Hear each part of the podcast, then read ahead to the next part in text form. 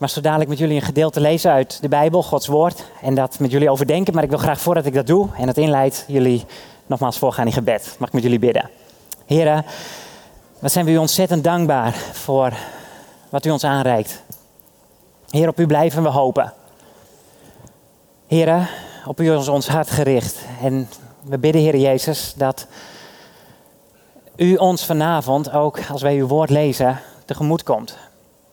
Heer, u bent in staat om onze harten te openen en te doorgronden, want u kent ons. U weet wie we zijn. En Heer, wilt u dat wonder ook werken? Ook ik hoop op u. Dat als u onze harten bereikt en als u doordringt met uw liefde tot in het diepst van ons wezen, dat u dan bij ons komt wonen. En dat u voor goed blijft, zodat we nooit meer alleen zullen zijn. Heer, dank u wel voor wat we van u ontvangen tot nu toe. Heer, voor zoveel talenten. Heer, in de muziek, in het zingen. Heer, in het woorden mogen geven die soms al zo oud zijn, maar die hout snijden tot op de dag van vandaag. En als wij gaan spreken, Heer, over de hoop die u alleen kunt schenken voor een eeuwig leven, en dan bid ik ook voor mij, Heer, dat u me rijk tegemoet komt. Want Heer, ik ben niet in staat om te kennen, ieder die hier is, zoals u dat doet.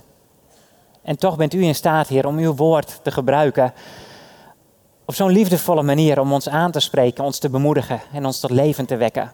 En dat is ons gebed vanavond. Heer, dat u mijn mond vult en dat u onze harten opent en dat u ons uw stem laat verstaan. Heer, laat ons gericht zijn op u en kom ons tegemoet. Dat bid ik uit genade. In uw naam, Heer Jezus. Amen. Amen. Ja, u heeft het gezien. We hebben een thema gekozen voor vanavond, al lang geleden, over hoop.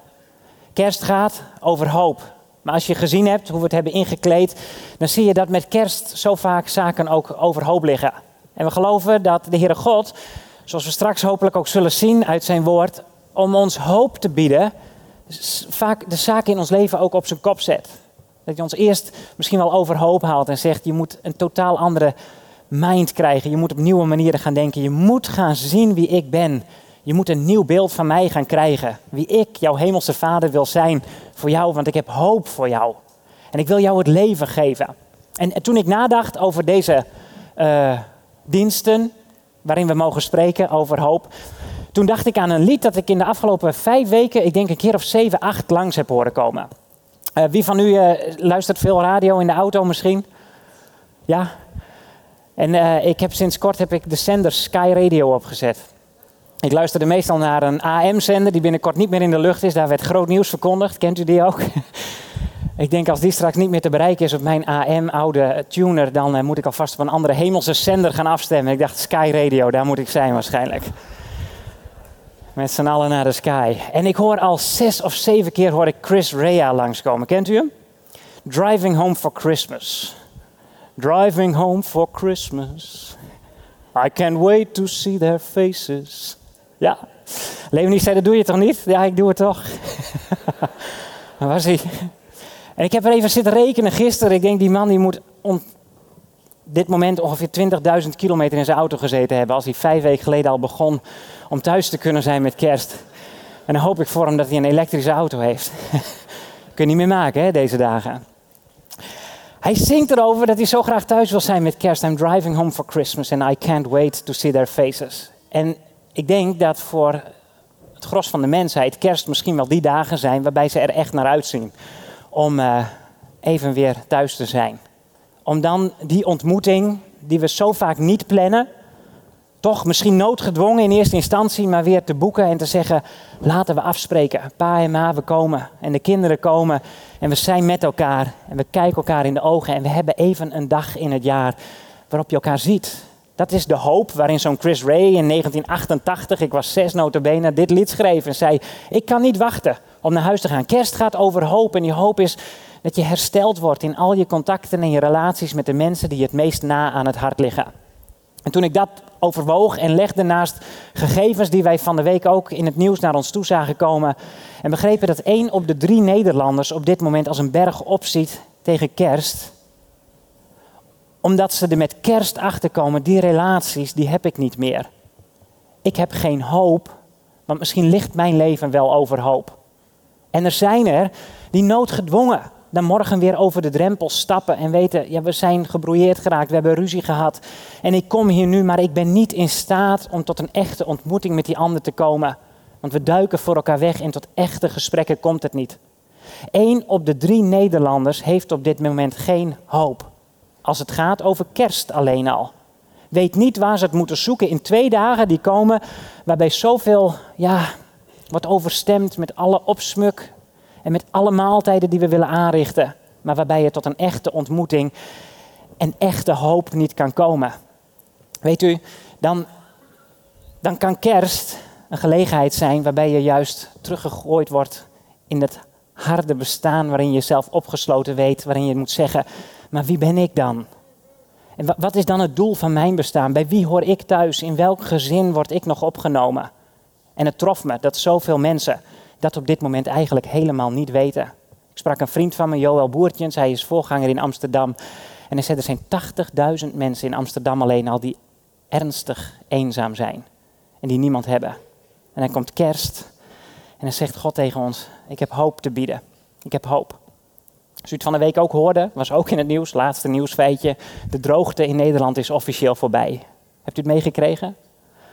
Het is voorbij. Het regent dat het giet. Gisteren zei ik het giet dat het regent. Het moet regent dat het giet zijn. Hè? Ja. Het regent dat het giet op dit moment. We hebben geen witte kerst, maar we hebben een zeiknatte kerst. En de droogte is voorbij. Ik dacht, de droogte is helemaal niet voorbij. Ja, er valt weer water en het grondwaterpeil komt weer op orde. Maar van binnen lijkt Nederland wel uitgedroogd. We hebben het gevat in misschien het beeld dat u al wel gezien hebt van een aantal bomen. Mag ik zien wat Gert heeft getekend? Als we denken aan kerst en we spreken over hoop. En we kijken naar de status waarin de wereld zich misschien wel bevindt. Waarin misschien jouw leven zich wel bevindt. Dan geldt het voor heel veel mensen dat het lijkt als op een boom waar geen leven meer in zit. Afgelopen zomer was dan de droogste zomer sinds 1976. Wie van u is van voor 76? Kijk, weten we dat ook? ik niet. Ik ben van 82, dus zo'n droogte als afgelopen jaar had ik nog nooit meegemaakt. Ik heb begrepen dat het toen vergelijkbaar was. We hebben een anderhalf jaar geleden een, een grote beuk bij ons in de tuin moeten omhalen. Ik ben met de kettingzaag in de weer geweest en we hebben daar samen een Japanse esdoorn teruggezet. We zeiden, die wordt niet te hoog en dan kunnen we genieten van een prachtig rood blad wat hij zou moeten gaan krijgen. En afgelopen september hebben we hem weer uitgegraven en teruggestuurd naar Japan en gezegd, jullie redden je er maar mee. Er staat geen leven meer in. In onze voortuin staat een, een wintergroene viburnum. Heeft u daar ooit van gehoord? Ik heb van mijn vrouw Leonie begrepen, het is een viburnum. Ik wist niet wat het was. Zij is de tuinvrouw bij ons. En het schijnt wintergroen te zijn. Ik ben kleurenblind, maar volgens mij is hij helemaal zwart. En Leonie heeft gezegd, ik, ik, wil hem nog, ik wil hem nog dit jaar geven. En ik ben benieuwd of er in het voorjaar misschien nieuwe takjes komen. En of ik nog groen ga zien voordat ik hem uitgraaf en deze ook wegdoe. Weet je, mijn gebed, onze hoop, ons leven is daarop geënt dat God tegen jou en mij zegt: Je leven lijkt misschien op een boom waar geen leven meer in zit. Maar kijk even naar de spiegeling in het water. Kijk even naar de wijze waarop ik, naar dat wat jij misschien niet meer ziet zitten, en waarin jij je laat leiden door misschien het leven dat je is overkomen. En de noodgedwongen eenzaamheid van dagen die kunnen komen in je hart. Ook al ga je op bezoek en weet je, maar wie ben ik? En waar hoor ik? Kijk even door mijn ogen, zegt God. En die zegt, als jij kerst kunt vieren, dan ben ik in staat om jouw leven op zijn kop te gaan zetten.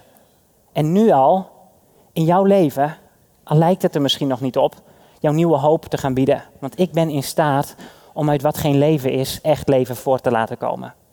En ik ben in staat om een leven dat overhoop ligt, echt weer te vervullen met nieuwe hoop. En ik wil met jullie een lied gaan lezen. Een lied van uh, Maria. Het is een, uh, een kersthit, zou je kunnen zeggen. Chris Rea schreef er een. Vandaag is het 200 jaar geleden, las ik, dat Stille Nacht is geschreven. Ook dat is zo'n kersthit. En Maria schreef ook een kersthit in het jaar nul. Zij zegt in Lucas hoofdstuk 1, ik lees het met jullie. Mijn ziel prijst en looft de Heer. Mijn hart juicht om God, mijn redder. Hij heeft ogen gehad voor mij, zijn minste dienares. Alle geslachten zullen mij voortaan gelukkig prijzen. Ja, grote dingen heeft de machtige voor mij gedaan. Heilig is zijn naam. Barmhartig is hij van geslacht op geslacht voor al wie hem vereert. Hij toont zijn macht en de kracht van zijn arm. En hij drijft uiteen wie zich verheven wanen. Heersers stoot hij van hun troon en wie gering is, geeft hij aanzien. Wie honger heeft, overlaat hij met gaven, maar rijken stuurt hij weg met lege handen.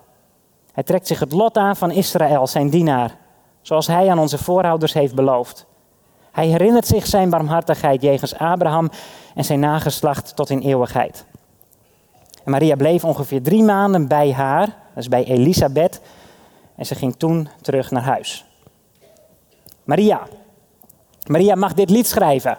En in dit lied, ik loop er zo dadelijk met jullie doorheen, beschrijft ze letterlijk hoe God haar wereld overhoop heeft gegooid. Maar hoe God ook de hele wereld overhoop wil gooien. Om echte hoop aan te bieden. Om kerst kerst te laten worden. Niet kerst met het oog op wat het op dat moment misschien niet is voor haar, of wat het op dit moment misschien niet is voor jou, maar om kerst kerst te laten zijn vanuit zijn perspectief in de wetenschap. Ik heb mijn zoon naar deze wereld toegestuurd en die zal jullie de blik geven op wie ik ben. En die zal jou thuis gaan brengen. In een huis waarbij je niet hoeft te zeggen, hooguit één of twee dagen per jaar kan ik komen. En weet ik dat er iemand is die zegt, I can't wait to see your face. Ik kon niet wachten om jou weer te zien. Maar dat er een vader voor mij is die tegen mij zegt, ik kan niet wachten om jou in mijn armen te sluiten. Ik heb er zo naar uitgezien dat je thuis zou komen. Want ik hou van je.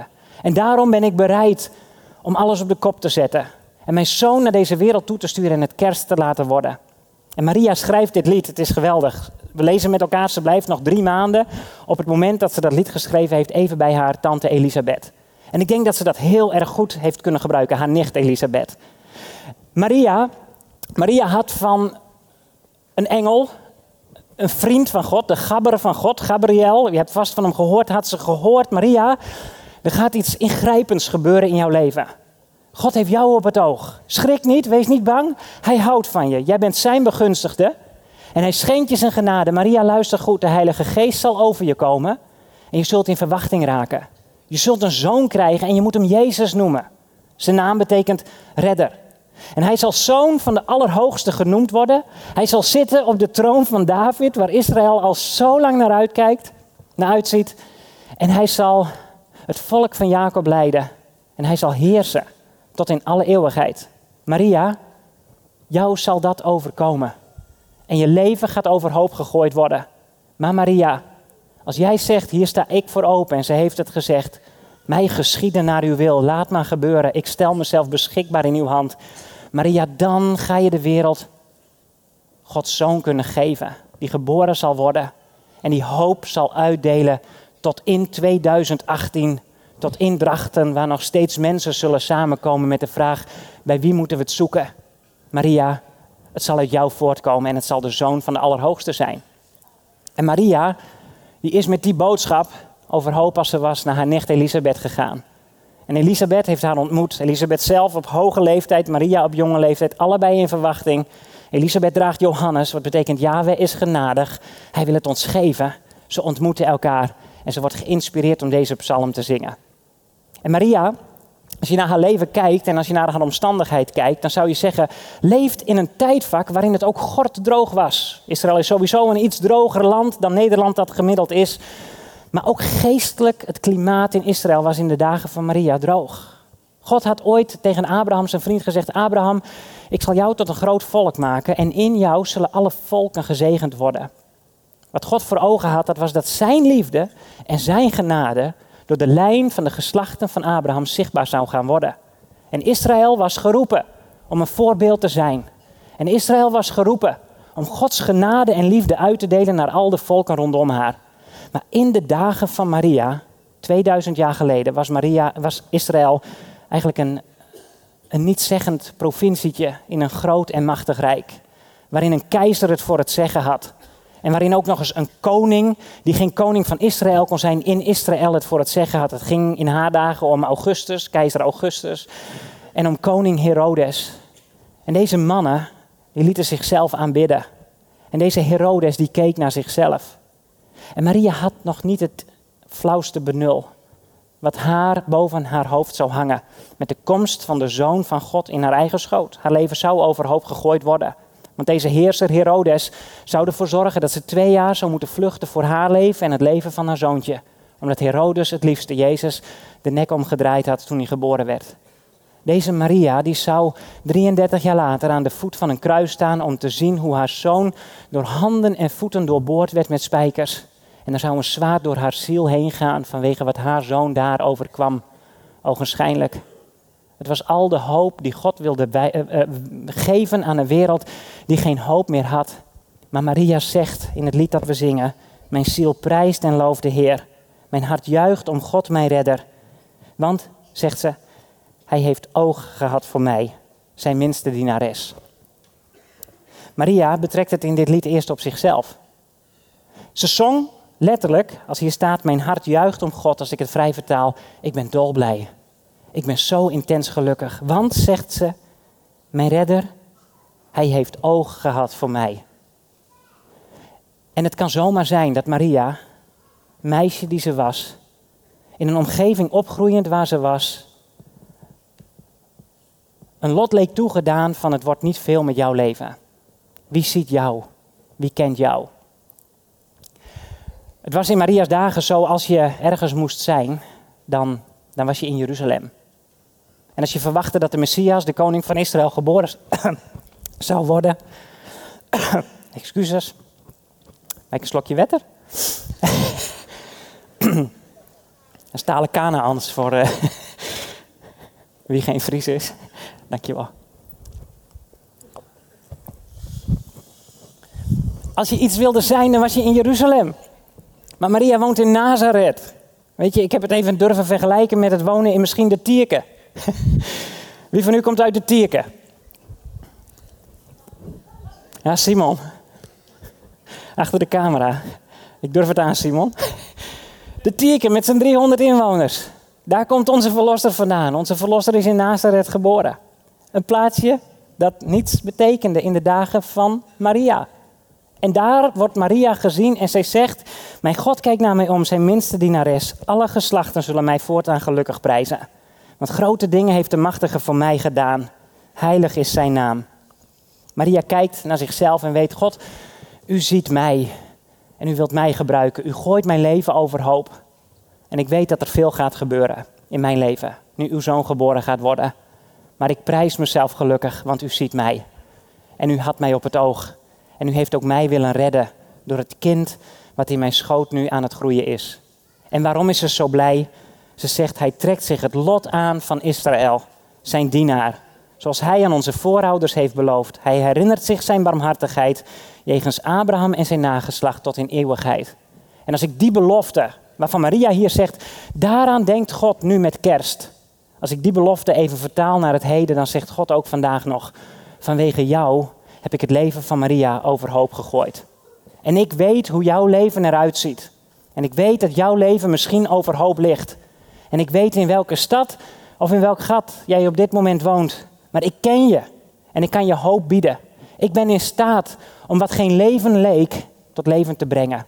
En ik wil je mezelf gaan laten kennen. Heersers doen dat niet. Machthebbers doen dat niet maar je mag thuis gaan komen bij jouw vader. En ik wil je straks een verhaal vertellen. Een bijzonder verhaal van een broer en zus die ik mocht leren kennen. Een echtpaar in de gemeente waar ik voorganger was. Die iets prachtigs hebben meegemaakt. Maar voordat ik dat doe, wil ik jullie eigenlijk een, een fragment laten zien uit een film. De film heet Tangled. Kennen jullie hem? Rapunzel wordt hij ook wel vertaald. En in dit verhaal, daar wordt een meisje wordt uit het huis van haar ouders geroofd. En ze wordt meegenomen naar een toren waar ze opgesloten wordt. En in die toren wordt haar van alles aangereikt, waardoor ze denkt, nou, dit, dit, dit, dit lijkt het leven wel waard. Ze kan doen wat ze wil. En tegelijk weet ze, ik ben zo beperkt door het kleine wereldje waarin ik leef. Ik ben opgesloten. Ze heeft hoop naar iets meer, maar ze weet niet bij wie ze hoort, bij wie ze thuis is. Alleen elk jaar als ze jarig is, dan kijkt ze uit haar venster en dan ziet ze in de verte lichtjes omhoog gaan. Weet u, ik weet niet hoe het u vergaat, mij spreekt dit soort verhalen soms enorm aan. En waarom is het zo? Het zijn verhaaltjes, dit zijn bedenksels. Maar in het zoeken naar essenties zie je hoe gemakkelijk in verhalen wij echt ook willen pakken wat het betekent om thuis te komen, om te horen bij. En we zagen de reactie van een vader en moeder die de lampjes lieten opgaan en die uiteindelijk hun dochter in hun armen konden sloten. En de herkenning was daar, hier hoor ik thuis, hier hoor ik te zijn. Nu mag ik jullie vertellen over een echtpaar dat ik mocht leren kennen. In de gemeente waar we waren als voorgangers echtpaar. En we leerden ze kennen in de jaren dat we met ze optrokken. En ze vertelden me, hij is intussen overleden, hij is niet meer bij ons. Maar ze vertelden me in de jaren dat we met ze mochten optrekken, dat voordat ze trouwden, hij eerder getrouwd was geweest. En uit zijn leven was zijn eerste vrouw vertrokken en had zijn dochter meegenomen. En hij heeft jaren gepoogd om het contact met zijn dochter te krijgen. Hij heeft jaren gedaan om haar zichtbaar te maken wat zijn liefde voor haar was.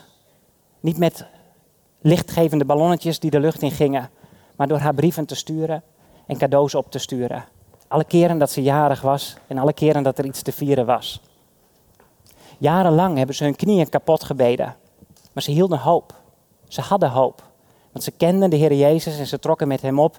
En ze wensten zo in het diepst van hun hart dat de relatie gebouwd zou kunnen gaan worden. Op een avond werd haar, deze vrouw van het echtpaar met wie we contact hadden, gevraagd bij een bidstond, een gelegenheid waar we dan als gemeente samenkomen en soms ook op onze knieën gaan om te bidden en God onze verlangens zichtbaar en kenbaar te maken. Haar werd gevraagd, hoe lang? Hoe lang moet je blijven bidden? Hoe lang moet je hoop koesteren wanneer je een bepaald gebedspunt hebt, maar je ziet het nog niet van de grond komen? En ze zei, in mijn hart schreeuwde ik het uit. Altijd. Je mag nooit stoppen. Je mag nooit de hoop verliezen. Het was de dag erop dat de dochter contact opnam en zei: Ik wil mijn vader leren kennen. Ik wil weten wie mijn vader is, want ik ken hem niet. En ze is gekomen en ze hebben gesprekken gehad met elkaar. En toen kon hij haar vertellen dat de cadeaus die ze door de jaren heen wel degelijk had gekregen, maar nooit begeleid van de brieven die hij daarbij geschreven had, dat hij ze voor haar had uitgekozen. En wat hij haar geschreven had en hoeveel hij van haar hield. En ze konden bij elkaar komen en ze kon thuiskomen. Mensen, er is altijd hoop. Er blijft altijd hoop. Ze leerden elkaar kennen. En ik, ik moet eraan denken dat ik geloof dat, dat zoveel mensen dag aan dag leven uit de grote genade die God ons schenkt. De zon die Hij laat opkomen. Het eten dat voor ons staat op tafel. Het werk dat we soms mogen doen. Misschien de contacten die we in deze dagen mogen aanhalen. Hoe gemakkelijk of hoe moeilijk we dat ook vinden. Maar dat het uiteindelijk God is die zegt: Maar zou je mij ook willen leren kennen? Zou je bij mij ook thuis willen komen? Want ik ben je vader. En ik ben degene die je dit allemaal aanreikt. En meer dan een, meer dan een ballon, één keer in het jaar. Meer dan cadeaus met je verjaardag, geef ik jou. Ik geef jou wat mij het allerliefst is. Ik heb mijn zoon naar de wereld gestuurd. De Heer Jezus Christus is voor jou naar deze wereld gekomen en is erop uitgegaan over de hele wereld. Zoekend naar wie de Vader wil leren kennen. Zoekend naar degene die zal zeggen: Ik ga opstaan en ik ga naar huis. En daar wil ik mijn Vader ontmoeten. En Hem in de ogen kijken en weten: Hier hoor ik en hier ben ik thuis. Ik wil met jullie een psalm lezen. Het is Psalm 126. En Psalm 126 staat boven: het is een, een pelgrimslied. Een lied wat mensen zongen als ze naar Jeruzalem gingen. Drie keer per jaar dan gingen ze naar de tempel. En dit was een van de liederen die ze dan zongen. Toen de Heer, staat hier, het lot van Sion keerde, toen was het of wij droomden. Een lach vulde onze mond, onze tong brak uit in gejuich. Toen zeiden alle volken, de Heer heeft voor hen iets groots verricht. Ja, de Heer had voor ons iets groots verricht. We waren vol vreugde. Keer ook nu ons lot, Heer, zoals uw water doet weerkeren in de woestijn. Zij die in tranen zaaien, zullen oogsten met gejuich. Wie in tranen op weg gaat, dragend de buidel met zaad, zal thuiskomen met gejuich, dragend de volle schoven. In deze psalm zingt het volk Israël, nadat ze jarenlang in die droge woestijn hebben geleefd, buiten God, ver van huis, dat toen God hun uiteindelijk bij de hand pakte en zei: Kom nu mee. Ik ben je vader. Pak mijn hand En ik breng jullie terug naar huis. Dan staat hier, toen werd onze mond vervuld met een lach. We braken uit in gejuich. En de mensen om ons heen zeiden, God heeft grote dingen voor hen gedaan. Weet je hoe jij hier ook gekomen bent? Als Maria vanavond zingt, God heeft grote dingen voor mij gedaan. Als Israël mag zingen, God heeft grote dingen voor ons gedaan. Dan mag jij weten dat de God van Maria en dat de God van Israël, de Vader van onze Heer Jezus Christus, voor jou grote dingen wil doen. Hij laat zijn genade uitgaan over de hele wereld.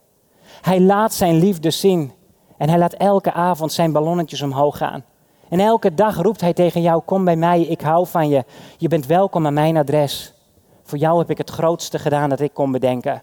Ik heb mijn zoon naar de wereld gestuurd. Hij is mens geworden. Hij is in een kribbe gaan liggen. Hij heeft de allerminste willen worden.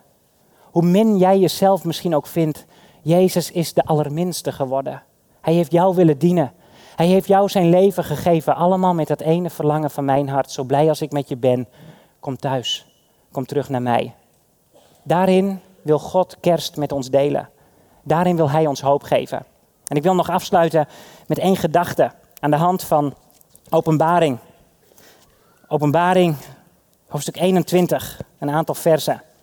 Woorden die ik zo vaak heb gelezen als we stonden bij een graf om afscheid te nemen van mensen.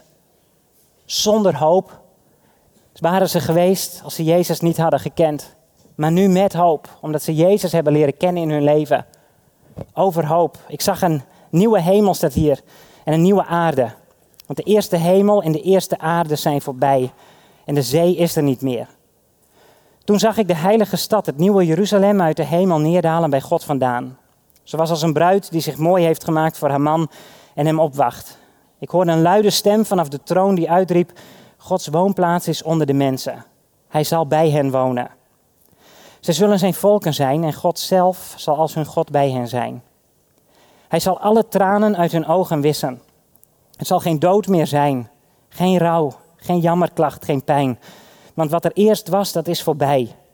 Hij die op de troon zat, zei: Alles maak ik nieuw. Ik hoorde zeggen: Schrijf het op, want wat hier wordt gezegd is betrouwbaar en waar. Toen zei hij tegen mij: Het is voltrokken. Ik ben de Alpha en de Omega, het begin en het einde. Wie dorst heeft, geef ik vrij te drinken uit de bron met water dat leven geeft. Wie overwint, komen al deze dingen toe. Ik zal zijn God zijn en hij zal mijn kind zijn. En hij liet me een rivier zien met water dat leven geeft. De rivier was helder als kristal en ontsprong aan de troon van God en van het Lam. In het midden van het plein van de stad en aan weerskanten van de rivier stond een levensboom, die twaalf vruchten gaf, elke maand zijn eigen vrucht. De bladeren van de boom brachten de volken genezing. Er zal niets meer zijn waarop nog een vloek rust. De troon van God en van het Lam zal daar in de stad staan. De dienaren zullen hem vereren en hem met eigen ogen zien. En zijn naam staat op hun voorhoofd geschreven. Er zal geen nacht meer zijn. En het licht van een lamp of het licht van de zon hebben ze niet nodig, want God, de Heer, zal hun licht zijn. En zij zullen als koningen heersen tot in eeuwigheid. Lieve mensen, het wonen bij de Heer, het thuiskomen bij Hem, het zijn op die plaats waar de boom des levens groeit, dat is de hoop die Jezus ons biedt. Dat is de plaats waar jij thuis kunt komen. Dat is de plaats waar Hij ons geeft wat we nodig hebben. Het kijken in Zijn ogen en eindelijk zien, maar U bent onze Vader en U houdt zoveel van mij, dat ik mag zijn dankzij Uw Zoon, de Heer Jezus Christus, Uw dochter, Uw Zoon. Ik wil twee dingen nog zeggen. Voor iedereen die hier misschien is, wiens kind de Heer nog niet kent. Ik heb in de, de gesprekken die ik in de jaren dat ik voorganger mag zijn die ik mocht voeren ontdekt dat waarschijnlijk, zoals ik het zie, de grootste nood in mensenlevens, vaak zelfs in de nadagen van hun leven, is het ongeloof van de kinderen. Het niet zeker weten, mijn zoon en mijn dochter, kennen ze ook die Heer die ik heb leren kennen en komen ze ook thuis bij Hem. Ik wil je met een beroep op Gods genade uitdagen en aanmoedigen. Er is altijd hoop. Blijven bidden. Nooit stoppen met bidden. God houdt van jouw geliefde. Hij heeft ze op het oog en hij kent ze. Zijn genade is voor ze. Ga in Jezus' naam blijvend bidden, want er is hoop. En misschien ben jij hier vanavond en weet jij bij jezelf niet, ook al ga je kerst vieren en ook al zal het gezellig zijn en ook al zal het leuk zijn. Of misschien het tegenovergestelde, denk je, waar moet ik het halen morgen en overmorgen? Er is een vader die tegen jou vanavond zegt, kinderen, mijn zoon, mijn dochter, kom naar huis. Kom thuis. Hier moet je zijn. Ook voor jou stuurde ik mijn zoon naar deze wereld. Ook voor jou is hoop. Laat kerst voor jou over hoop gaan. Er is hoop. En Jezus zal hem je geven. Dat wilde ik met jullie delen. Amen.